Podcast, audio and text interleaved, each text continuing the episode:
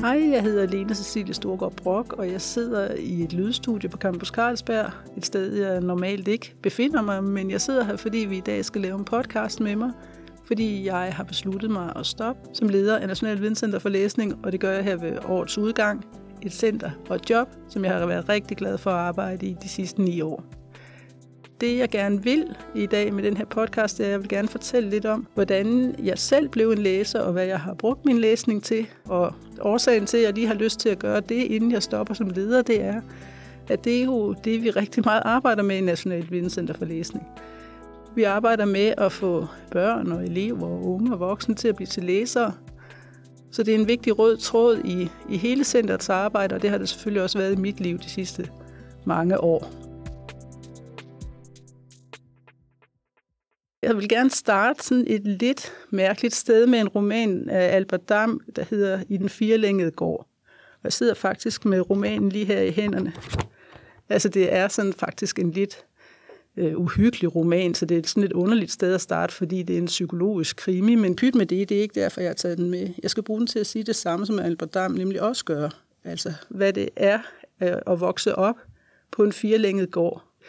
Øh, jeg er selv vokset op på en firelænget gård, og det øh, Albert Dam betoner her, det er jo, at når man er en af dem, der er født ind i sådan en firelænget gård har sin barndom der og sit liv der, ja, så er det jo derfra, hvor verden går, kan man sige, altså udgår. Og det vil sige, at det verdensbillede, man har, det samfund, som er inden for rammerne af de fire længer, det er jo sådan øh, den måde, man som barn forstår verden på. Og jeg er født i 65, og jeg kommer i skole i 1971, i 1972 faktisk. Men det vil jo sige, at de her øh, år i min barndom, jamen de foregår jo på den her gård inden for de fire længere, og hele det samfund, vi har der. Og min, min far, han var uddannet landmand, og min mor, hun var, øh, havde ikke nogen uddannelse. Hun er gået syv år i skole, og så kom hun ud at tjene.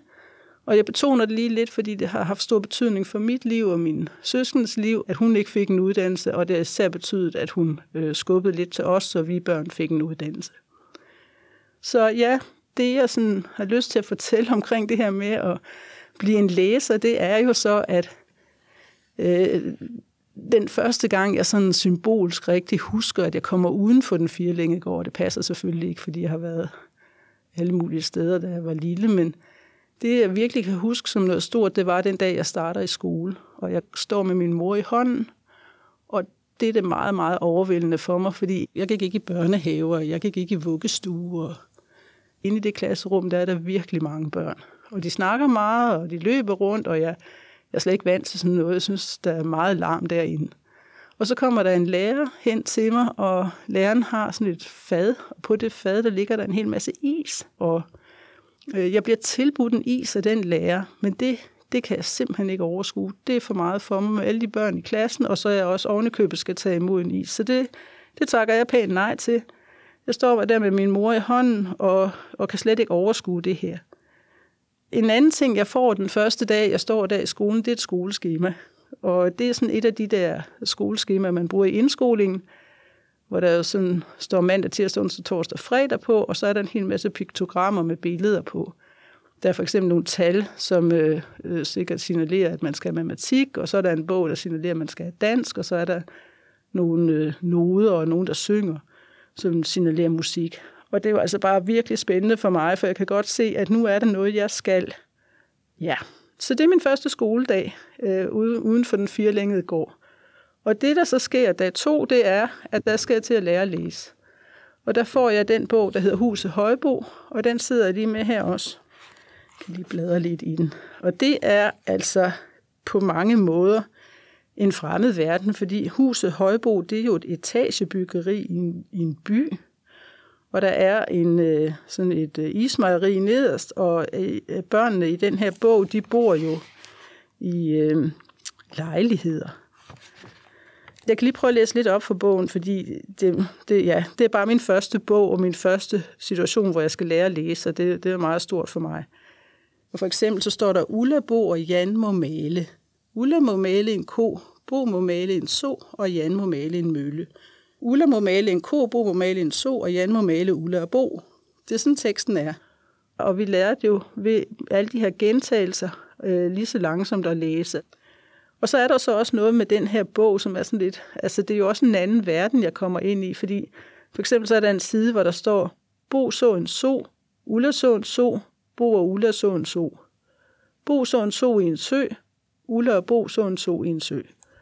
Og det, der sådan er lidt vildt for mig der, det er jo en so i en sø. Altså sådan var det jo ikke på den gård, jeg kom fra. Det var gammeldags landbrug, og der plaskede en so ikke rundt i en sø. Så man kan jo sige, med den bog her, og med at blive introduceret til læsningen og komme ind i en helt ny verden, så er det også, så åbner der sig jo nogle andre perspektiver for mig. Jeg opdager jo, at man kan leve i et højhus, i et etagebyggeri, og jeg opdager, at en sol kan gå udenfor og sådan noget, så det her med at blive introduceret til i bogens verden på den måde, det er en meget stor ting, samtidig med, at man selv er den, der skal lære at læse. Og det er sådan set det, jeg gerne vil tale lidt om på den her podcast. Jeg vil gerne fortælle lidt om, hvad det var for nogle betingelser og muligheder, jeg havde for at lære at læse og skrive.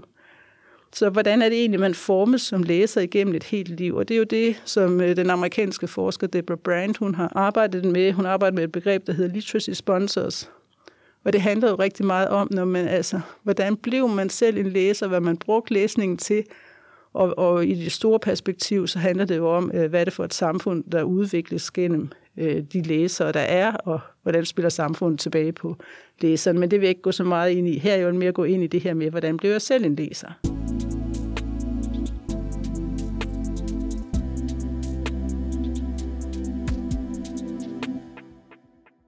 Så skal vi lige lidt tilbage til den firelængede gård, inden jeg kommer i skole. Fordi der er jo noget i min barndom, som har været med til at forme mig som læser. Vi havde for eksempel en bogreol. Det var en meget lille bogreol. Den var, stod lige ovenover fjernsynet, og på den bogreol i stuen, der var der et leksikon, der var et Danmarkskort, så var der en bog om jagt med riffel, og så var der kirkehistorien.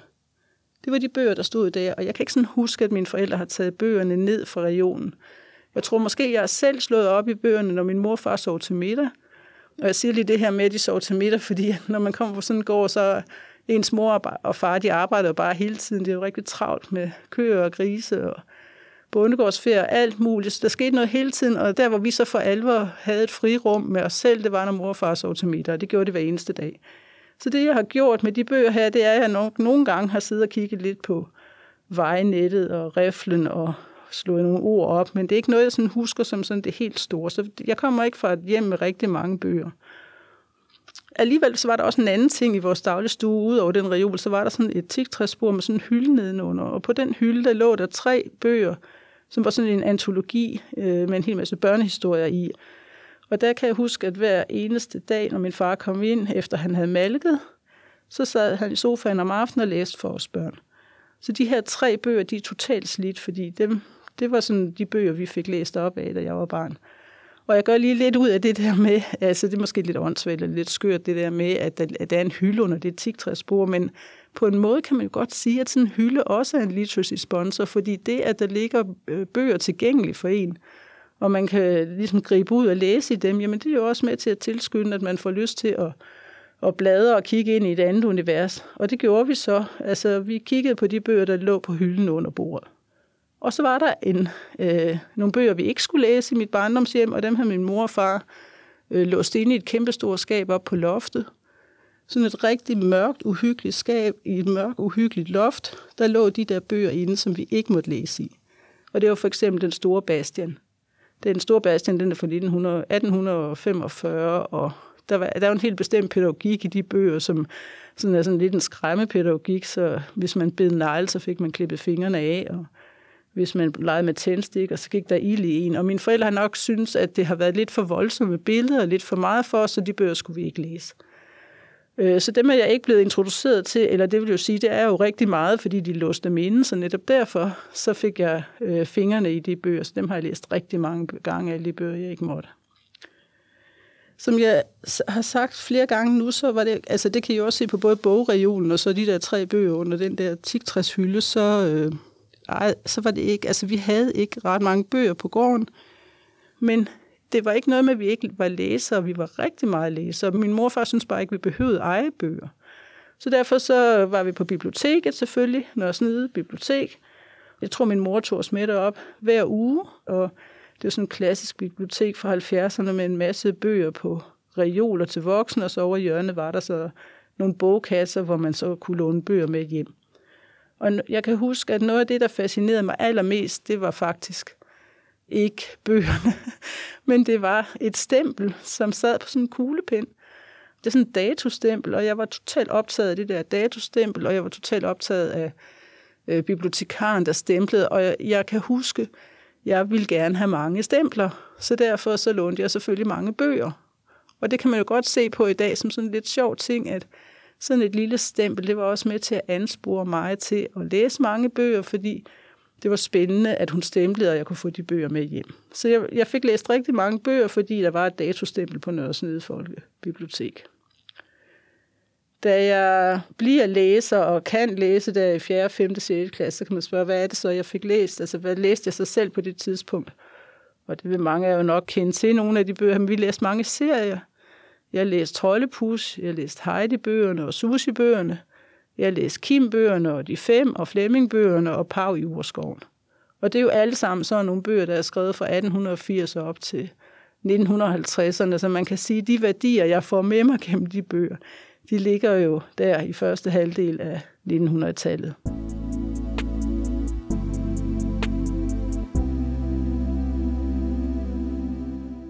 Jeg har også lyst til at pege på nogle andre literacy sponsors, som ikke kun lige har med bøger at gøre og med det, der var i mit hjem, men min mor skriver sådan en øh, barns bog, og øh, i min bog, der står der faktisk, at i 1971, og der er jeg så seks år, der strikker jeg rigtig mange grydelapper til hele familien. Og det var en stor ting i mit hjem, det var at lære at strikke. Og jeg kan så se i den der barns bog, at i 1973, der strikker jeg en bluse, som er sådan en busserønne bluse, som er ret kompliceret at strikke. Og jeg sidder faktisk lige med opskriften her. Og det gør jeg, fordi det er ret sjovt, hvordan sådan en opskrift den er. Altså, det er jo et ekstremt kompliceret sprog, der er i den. Og der er rigtig mange øh, forskellige tekstfragmenter. Altså, det er både diagrammer, og det er tegninger, og så er der sådan en strikopskriftsprog, og så er det kodet. Man skal kunne de her strikkekoder, og samtidig så er den på norsk jeg tænker sådan lidt på, hvorfor, hvorfor det egentlig var, jeg kunne øh, knække koden på sådan en strikkeopskrift, da jeg var 8 år gammel. Og det tror jeg, det var fordi, jeg ville gerne have noget tøj. Og når man fik noget tøj i mit hjem, så gjorde man det ved selv at sy det, eller selv at strikke det. Så det, at jeg bliver en, en øh, strikker, og dermed også bliver en læser af strikkeopskrifter, det er fordi, jeg er interesseret i at få noget nyt tøj. Så strikketøjet var også en literacy sponsor. Så har der været en ting mere, som har betydet meget, det er, at jeg gik til klaver. Jeg har en klaverlærerinde, der hedder Manne Østergaard, og hun bor også selv på en firlængegård. Det var vi jo mange, der gjorde, vi kom derfra. Og jeg kan huske, da jeg starter hos hende, der skal jeg bare spille ud fra sådan en helt simpel spillebog, der hedder Vi spiller klaver. Og der er noderne jo totalt simple der i starten, fordi man skal lære at ligesom afkode, hvad det her er for noget. Det lyder for eksempel sådan her. Da da da da da da da da da da da da da. Altså helt simpel øh, måde at lære det at spille klaver på. Men så er det jo sådan, at altså med de værdier, jeg er vokset op med, så skal man også øve sig, og jeg får at vide, at jeg skal spille klaver en halv time hver eneste dag, og det gør jeg. Og jeg spiller en halv time hver dag i otte år. Så da jeg slutter af der med at spille i 7., 8., 9. klasse, må det være, ikke? Der kan jeg spille sådan ret avancerede stykker af Mozart og Beethoven og Chopin. Og der er noget af det, som jeg tænker har meget at gøre med min mors øh, manglende uddannelsesbaggrund, fordi hun vil rigtig gerne have, at jeg skal lære at spille nogle meget svære stykker.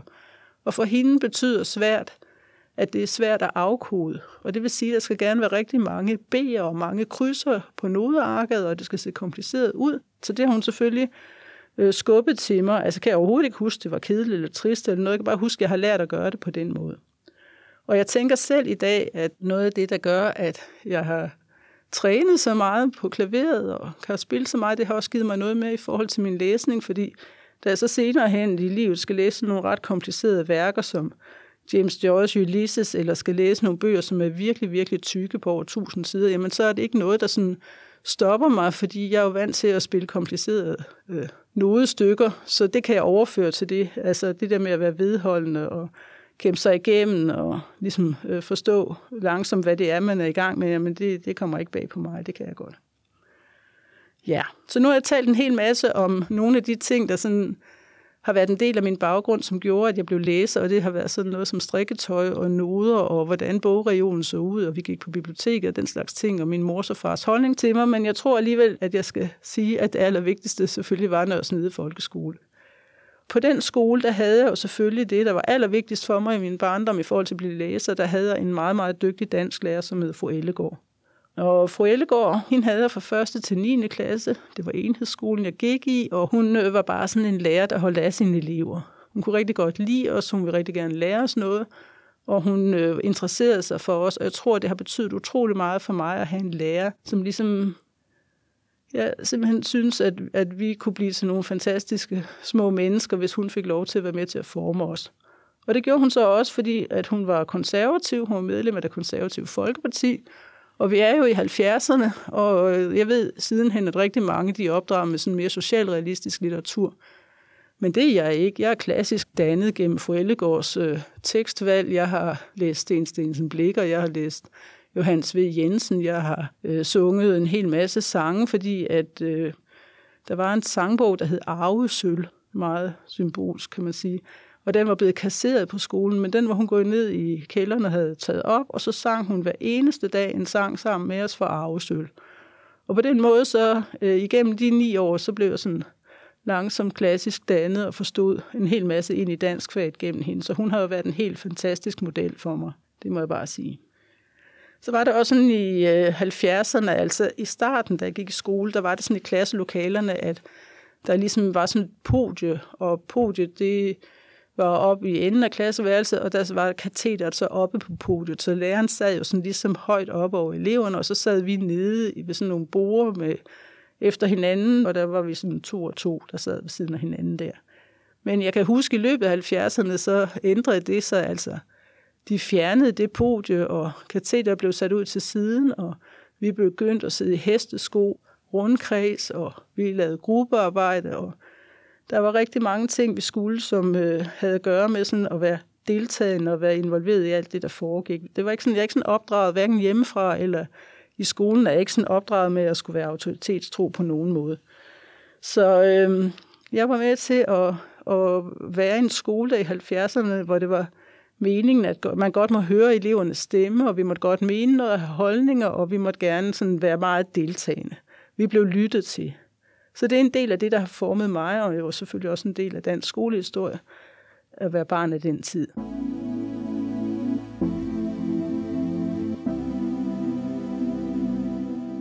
nu tror jeg, I har forstået lidt om, hvad det er, jeg er rundet af, og hvordan jeg egentlig blev en læser. Og nu har jeg lyst til at fortælle lidt om, hvad jeg så har brugt min læsning til, efter at jeg blev en læser i Nørresnede Folkeskole. Og jeg har brugt min læsning til det, min mor gerne ville have, nemlig at jeg skulle få mig en uddannelse. Og for at få en uddannelse, så blev man nødt til at gå i gymnasiet. Og øh, jeg kommer fra en klasse i folkeskolen, hvor vi var 25 elever. Og dengang jeg skal i gymnasiet efter 9. klasse, der er vi tre, der går videre i gymnasiet, og det er Gitte, Frank og mig. Og så året efter, der kommer Ole og Kjeld. De har så taget 10. klasse med. Men jeg fortæller det her, fordi at, øh, det er jo også en del af historien, at dengang var vi jo ikke så mange, der kom i gymnasiet, som der er i dag. Og det vil også sige, at når man kommer ind i sådan en gymnasiekultur og en læse-skrivekultur i gymnasiet, så er der nogle helt andre krav, end jeg egentlig havde fået med mig fra Nørresnede Folkeskole. Så jeg skulle også lære at overkomme nogle ting i gymnasiet, som jeg ikke rigtig vidste, hvordan jeg skulle gøre. I gymnasiet der havde jeg også, ligesom i folkeskolen, en helt fantastisk dansk lærer, og han hed Sten Fil. Og han, havde, han var meget sådan fagligt optaget, han var meget litterær, og han havde det samme som fru Ellegaard. Altså han troede på os elever. Jeg kan huske, at den måde, jeg sådan knækkede koden på, eller kunne finde ud af at være i det her gymnasium på at lære noget på, det var faktisk, jeg havde ligesom to strategier. Det ene, det var flid, og det andet, det var imitation. Så jeg læste altid min lektie, jeg læste dem nogle gange to gange, jeg forstod ikke altid, hvad der stod. Jeg er en af de elever, der læste lektionen den dag, man fik dem for. Så jeg var sådan meget flittig og meget grundig. Jeg prøvede virkelig at begribe, hvad det var, jeg var med i her. Men jeg vil også sige, det var nogle gange svært. Altså Sten Fil, han kunne godt skrive tavlen fyldt, og han fortalte om signifier og signifiant. Jeg forstod ingenting.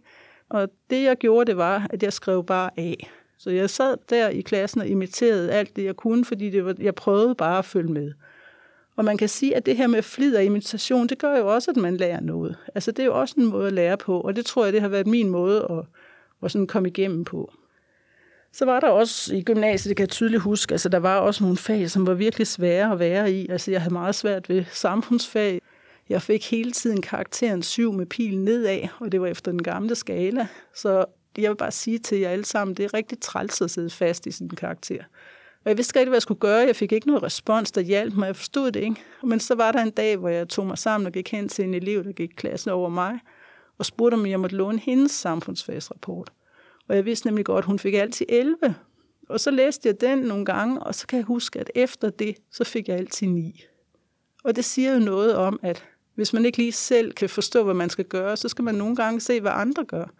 Og så knækker man måske mere eller mindre intuitivt den kode og forstår, hvad det så der skal til for, at øh, jeg kan komme ud af det her forfærdelige syv med pil ned af karakter. Så efter gymnasiet, så er jeg ude et par år og øh, rejser rundt i verden, og så kommer jeg i 86 ind på Københavns Universitet og starter på nordisk filologi der, som er jo et dansk studie på det tidspunkt. Og man kan godt sige det, som det er. Altså, det er faktisk ret langt væk fra den firelængede gård. Når jeg tænker tilbage på, hvordan jeg egentlig klarede øh, hvad hedder det, universitetstiden, ja, så gjorde jeg det ved, at vi skulle læse rigtig meget. Vi læste en roman om ugen, og det vil sige, at jeg trænede rigtig meget, og vi havde selvfølgelig mange litteratursamtaler, mange analyser osv. Men det, der var svært, det var, når man skulle skrive opgaver på universitetet. Altså, hvordan skulle man lave en filologisk analyse af en roman? Jeg fattede ikke, hvad det var, de forventede af mig. Så derfor så øh, vil jeg nu afsløre, hvad det var, jeg gjorde. Jeg læste først romanen, og vi kan tage en, for eksempel som Christensens roman Livets Arabisk. Så læste jeg den roman, og så når jeg havde læst den, så gik jeg på biblioteket, og så lånte jeg nogle værker om, hvordan andre havde analyseret værket. Og når jeg så skulle skrive mine opgaver, så øh, citerede jeg rigtig meget for de andres måde at forstå værket på, og så vil jeg også sige, at deres analyser smittede også lidt af på mig, så sprogbrugen blev lidt anderledes, end det egentlig var min egen sprogbrug. Og det er jo sådan noget, man i dag diskuterer, om det er snyd, men jeg vil bare sige, for mig er det ikke snyd, for mig er det en måde at lære på. Og jeg kom igennem universitetet, altså ved at læse værkerne og læse andres analyser af værkerne. Det er det, jeg har brugt min læsning på op igennem mit liv, kan man sige, mit uddannelsesliv. Og øh, nu i dag, hvis I spørger mig, hvad jeg læser i dag, altså nu står jeg jo her og skal gå af som øh, leder af National Videnscenter for Læsning, og selvfølgelig har jeg læst rigtig mange tekster, jeg har læst rigtig mange forskningsrapporter og rigtig mange romaner, og er meget glad for at være skønlitteraturlæser, og nu har jeg også fået et lille barnbarn, som hedder Ole, og jeg er meget glad for også at læse bøger for ham, så jeg læser både Den Store Pære, og vi har også læst øh, Snevide her den anden dag, og vi læser Lille Kvist og alle mulige gode bøger. Så det er jo en dejlig sådan, læseoplevelse at sidde med sit barnebarn, men også selv gå ind i en roman. Det er noget af det, der betyder rigtig meget for mig. Men øh, her de sidste par år som leder, så er jeg også kommet til at læse en hel del andre tekster, sådan det jeg vil kalde sådan nogle lidt mere flygtige tekster, som jo hører med til det at være leder af et center. Så jeg læser mange af Moderniseringsstyrelsen og Økonomistyrelsens øh, dokumenter, eller hvad skal vi kalde det, altså registreringsdokumenter. Det kan være indfak, M-tid, aktør. Jeg læser rigtig mange budgetter og lægger mange budgetter, og det er måske okay for mig nu, at jeg ikke skal arbejde så meget med dem længere.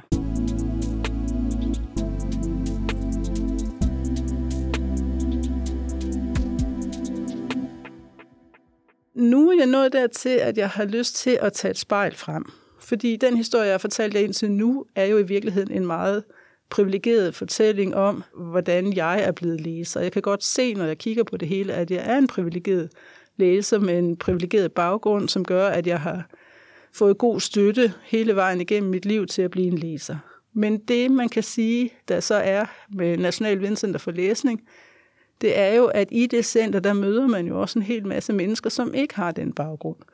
Og det vil sige, at øh, der er mange rundt i hele Danmark, som øh, har vanskeligt ved at læse. Det kan være, fordi de har kognitive vanskeligheder, men det kan også være, at de kommer fra fattige, sprogfattige miljøer, eller hvad vi skal kalde det, hvor det er rigtig svært for dem at lære at læse. Og det er jo noget af det, der er så fint i National Videnscenter for Læsning, det er, at vi har øh, haft mulighed for der at rejse en masse projekter, som gør, at vi har kunne komme ud og arbejde med ny læse- og skrivedidaktik rundt omkring på forskellige skoler og forskellige dagtilbud og være med til at løfte hele området der. Og det er noget, jeg bare vil sige til jer i dag, at det er jeg virkelig, virkelig stolt af.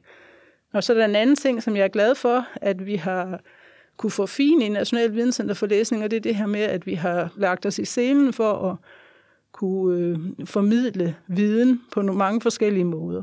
Så vi skriver selvfølgelig både rapporter og nyhedsartikler og evalueringer, men vi laver også øh, podcast og film og vidensuniverser og webdocs og alle mulige andre ting, og det er jo fordi, at når man skal omsætte viden, som nogle gange kan være sådan vanskeligt forklaret gennem forskningsprojekter og sådan noget, jamen så skal der ligesom en oversættelse til, og den kan have, tage, få udtryk i mange forskellige formater. Og det synes jeg, det har vi arbejdet meget med i National Videnscenter for Læsning, så det, at vi har drevet så mange projekter og er blevet ret gode til at formidle, det er jeg meget, meget glad for og meget stolt af.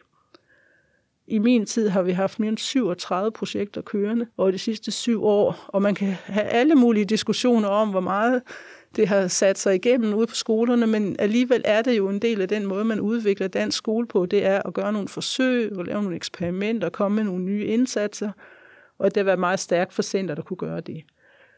Lige inden jeg skulle sådan slutte min forberedelse til det her oplæg af, så tog jeg kontakt til Ningde Conning Schmidt, som jo er dansk skoleforsker og tidligere har arbejdet på DPU. Hun går på pension nu. Men hun har jo skrevet det store værk, der hedder Da skolen blev alles, tiden efter 1970. Og hun fortæller også i det værk, at den måde, man udvikler, har igennem tiden har udviklet den danske folkeskole på, det er igennem skoleudviklingsprojekter og eksperimenter og forsøg. Og der er mange forskellige forsøg, i, hun kommer ind på i det værk.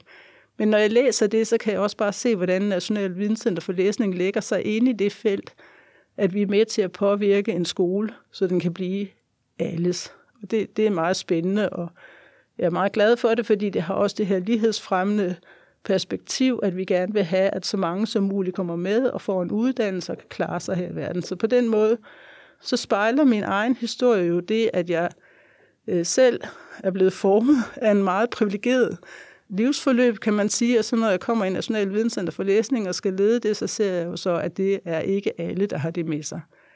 Så det kan man blive glad for, både at jeg har det forløb, men også at man kan være med til at ændre muligheder for andre.